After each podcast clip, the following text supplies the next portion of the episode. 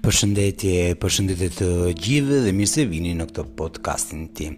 Ë ka disa ditë që nuk kam publikuar asgjë, mm, edhe unë kam qenë me pushime, edhe unë kam marrë një pauzë të vogël. Sot doja T'ju flisja pak për sa i përket një teknike që shpesh përdor për vetveten time, po përdor edhe për të gjithë pacientët, klientët e mi anembanë botës. Siç siç e dini, Unë jam doktor Elton Kazanxhi, psikolog, një traumaterapist, coach, CEO e Emi Italis. Kam pu, kam pu, pu, publikuar Gjashtë libra, i fundit është uh, ajo e abuzimit se, seksual te fëmijët. Të gjithë librat e mi mund, mund t'i gjeni online, mund t'i gjeni dhe në Amazon dhe mund t'i gjeni në Shqipëri, në Maqedoni dhe në Kosovë duke kontaktuar Kristian Alili në, në Kosovë, Sema Alili në Maqedoni, kurse në Tiranë mund të kontaktoni Ledona Braho dhe Desdemona Çelon edhe Almira Laushën. Atere, të cilat janë të i... Atere, e cila është kjo teknikë me të cilën dua të ndihmoj të gjithë ata persona që kanë të bëjnë me ankthi me depresionin ose me atë që neve mund ta quajmë ruminacion ose në ruminacion është një fjalë e huazuar nga italishtja që kam përdorur tek libri im terapia metakognitive që është një libër që ju ju këshilloj të gjithëve ta blini sepse ka kë këtë lloj teknike që po ju shpjegoj sot pak a shumë e kam përshkruar edhe tek ai libër Atëre, sekreti më i madh që të gjithë ne duhet të dimë është kjo që ë ë me një fjalë qarku i mendimeve ose mendimi jonë është i për përbërë faktikisht nga tre elemente dhe dhe këtë gjë dua që çdokush prej jush ta veri, verifikojë përpara se të më kundërshtojë atëre mendimi, procesi mendimor ose ose si themi ne në italisht il processo di pensiero është i përbërë nga tre elementet. Elementet janë shumë shumë të mm, thjeshta dhe çdokush prej jush mund t'i verifikojë. ele, ele, elementi i parë është që kemi persona që kur kur faktikisht mendojnë shikojnë brenda uh, mendjes së tyre imazhe. Pra, mendojnë për imazhe. Shpeshherë shohin vetveten e tyre të braktisur, shpeshherë imagjinojnë vetveten e tyre uh, vetëm, të rrahur, të rraskapitur, pra është një mendim siç themi ne në emi terapi dhe në NLP ose në hipnozë il pensiero visivo, pra uh, uh, i të menduerit nga ana pamore, pra kemi persona që mendojnë për imazhe. Faktikisht, çdokush prej jush mund ta verifikojë vetë kur rri dhe mendon të ardhmen e tij, Sigurisht ai ka disa imazhe mbi vetveten, ai që është në Itali ose ka për të shkuar në një vend tjetër, do të martohet etj etj etj. Pra për imazhe.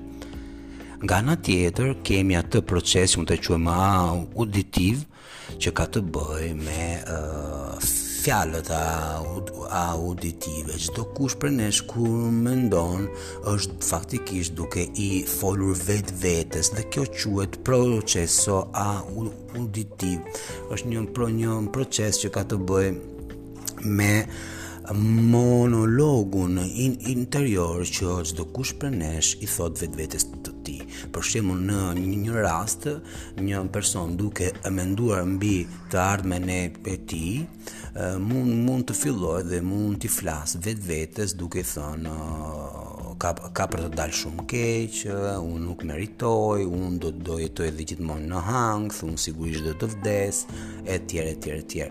Pra, pra kjo është procesi i dytë. Kurse procesi i tretë dhe edhe edhe ky shumë i rëndësishëm është ai i i ndjenjës. Pra, ë personi kur kur kur kur fillon të mendojë ka imazhin e tij të braktisur, ka ato fjalët që ai thotë vetvetes të tij, sigurisht do jem i braktisur, jeta ime ka marrë fund, Edhe ka dhe ndjesinë në një pjesë të trupit, pra që mund të jetë barku, ndjesia negative, zorrët, e tjera, e tjera, e tjera. Pra, proceset men mendimore, në qoftë se ne ti mund t'i ndajmë në tre elemente, janë shumë të thjeshta. Imazhi, uh, fjalët, pra monologu dhe ndjesitë. Tash, tani nga ana kritike, mund të kemi një zë brenda nesh monologu jonë dhe mund të jetë i mësuar si një monolog që unë e quaj radio drama pra të shikosh vetveten tënde në dhe t'i thuash vetvetes tënde një një histori dramatike, duke thënë po çdo gjë ka për të shkuar keq, unë s'e meritoj, unë jam kot e tjerë e tjerë e tjerë. Pra kjo quhet radio drama.